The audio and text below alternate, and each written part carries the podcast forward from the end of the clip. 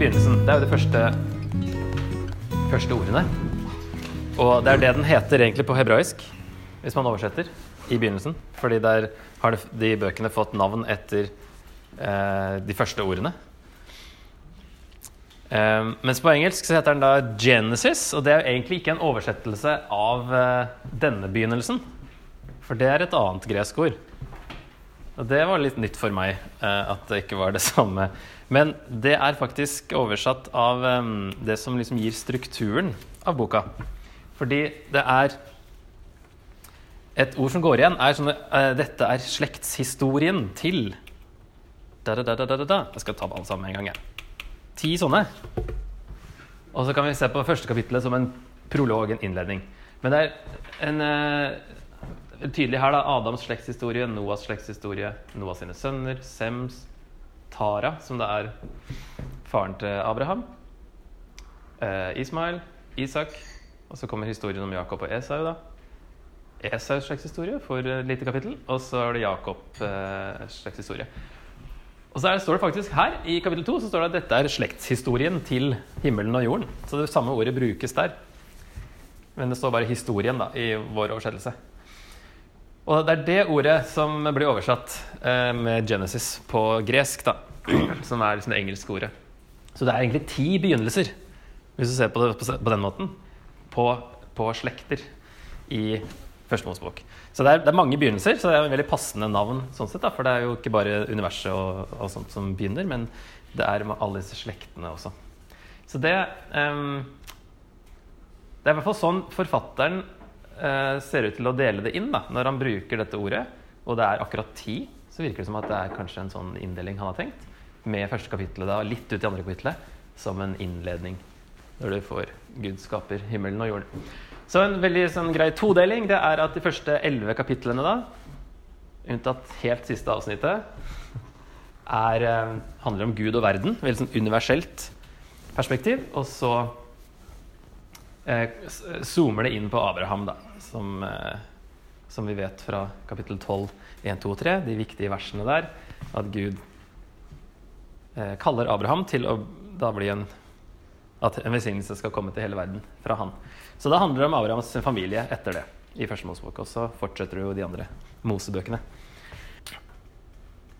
Kapittel 1-11 handler om Gud og verden. Og svarer liksom på hvorfor Abraham måtte utvelges, når du ser hvordan det går. Og det går ikke så bra, det blir verre og verre, virker det som. Så det eh, Det er jo egentlig en sånn introduksjon, det her òg, til der historien egentlig begynner, med Abraham. Så det svarer på ja, hva, hvorfor trengte Gud å gjøre dette her, og hvilken gud var det som, som, gjorde det? Hvilken gud utvalgte Abraham? På den tida så var det jo veldig mange guder i, i samfunnet. Så her eh, forklares det veldig eh, tydelig da, hvilken gud og hva han heter og sånt etter hvert. Og hvordan passer Abraham inn i verdenshistorien. Og da er det jo på en måte den, deres verdenshistorie den gangen som vi skal se litt mer på. Um, hvordan vi kanskje bør forstå denne starten her.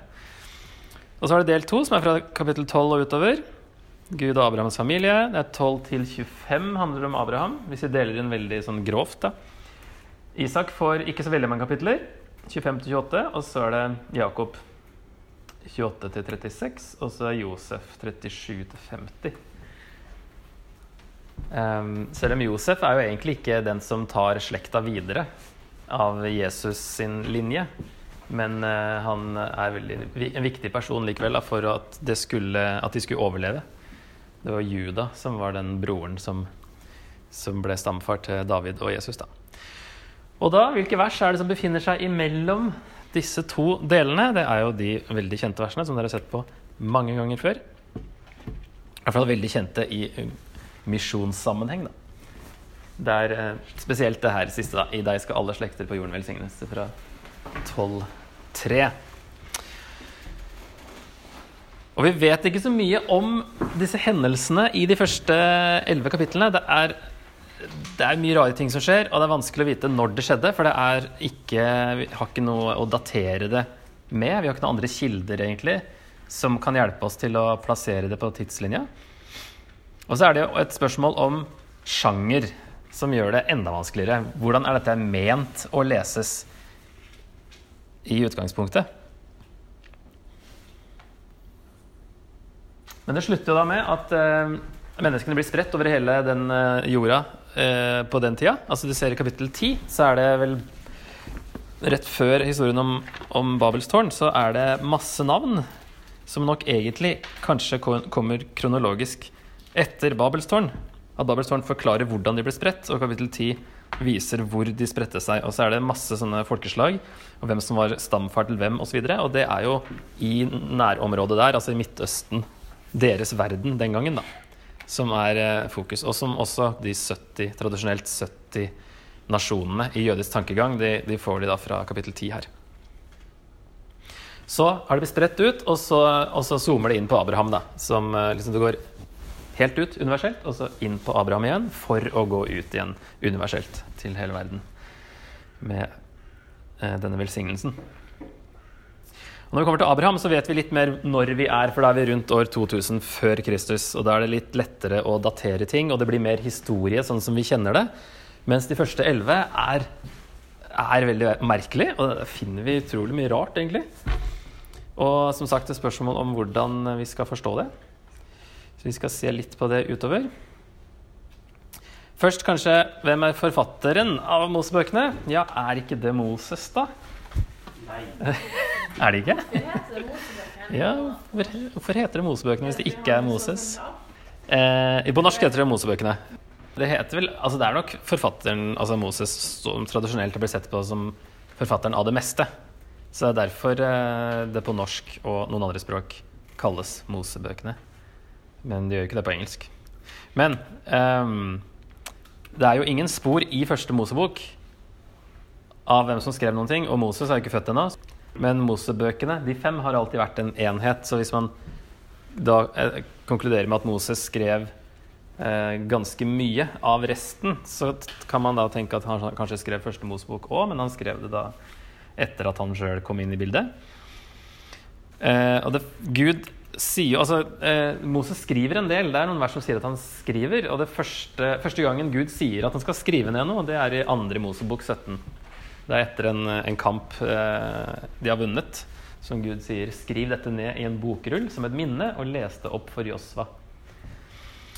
Så står det videre i andre bok, så skrev Moses ned alle ordene fra Herren. Det er jo de budene han har fått da, etter de ti bud. Hun kommer i kapittel 20. Og så får han flere, flere bud og loven som begynner å gis. da. Så han skrev ned alle ordene, står det. Og i 2. Mosebok 34 står det Herren sa til Moses, skriv ned disse ordene, for på grunnlag av disse ordene slutter jeg en pakt med deg og Israel. Og så står det også i 4. Mosebok, 5. Mosebok at han skrev. Og Jesus sier i Johannes 5, 46, hadde dere trodd Moses, hadde dere også trodd meg, for det er meg, meg han har skrevet om. Så Jesus også, liksom, sier jo at Moses skrev noe. Og i Lukas 24 også. Han begynte å utlegge for dem det som står om ham i alle skriftene, helt fra Moses av og hos alle profetene. Så i hvert fall så snakka de om Mosebøkene som Moses. At Moses eh, var i hvert fall en sentral person, men det står jo mye at han, at han skrev ned mye, og han var jo et øyenvitne. Unntatt første Mosebok, da, så var jo han med i hele historien. Men hvis Moses skrev alt, så står det i 4. Mosebok 12,3.: Men Moses var en svært ydmyk mann, mer ydmyk enn noe annet menneske på jorden. Det er ikke helt typisk ydmykt å skrive det om seg sjøl. Så det tenker vi det er kanskje ikke Moses eh, som har skrevet absolutt alt, men han har skrevet en god del, og kjernen og i Fjerde Mosebok, når den reiseruta beskrives, hvor de drar i ørkenen, så står det på Herrens ord 'skrev Moses ned stedene de dro ut fra, på dagsmarsjene sine'. Og dette er dagsmarsjene regnet fra de stedene de dro ut fra. Det høres ut som det er en annen som skriver, men han har det fra Moses. Moses skrev ned stedene, men de dro. Um, om ikke da Moses satte seg sjøl i en helt sånn tredjeperson, men uh, det virker som at det er en annen som kanskje skriver noe. Det er spesielt 5. Mosebok 34, helt på slutten. Så døde Moses, Herrens tjener, der i Moabs land. Slik Herren hadde sagt. Han gravla ham nede i dalen i Moab, rett imot Bet Peor. Men til denne dag har ingen visst hvor graven er. det er også litt sånn der, eh, merkelig hvis Moses skrev det sjøl.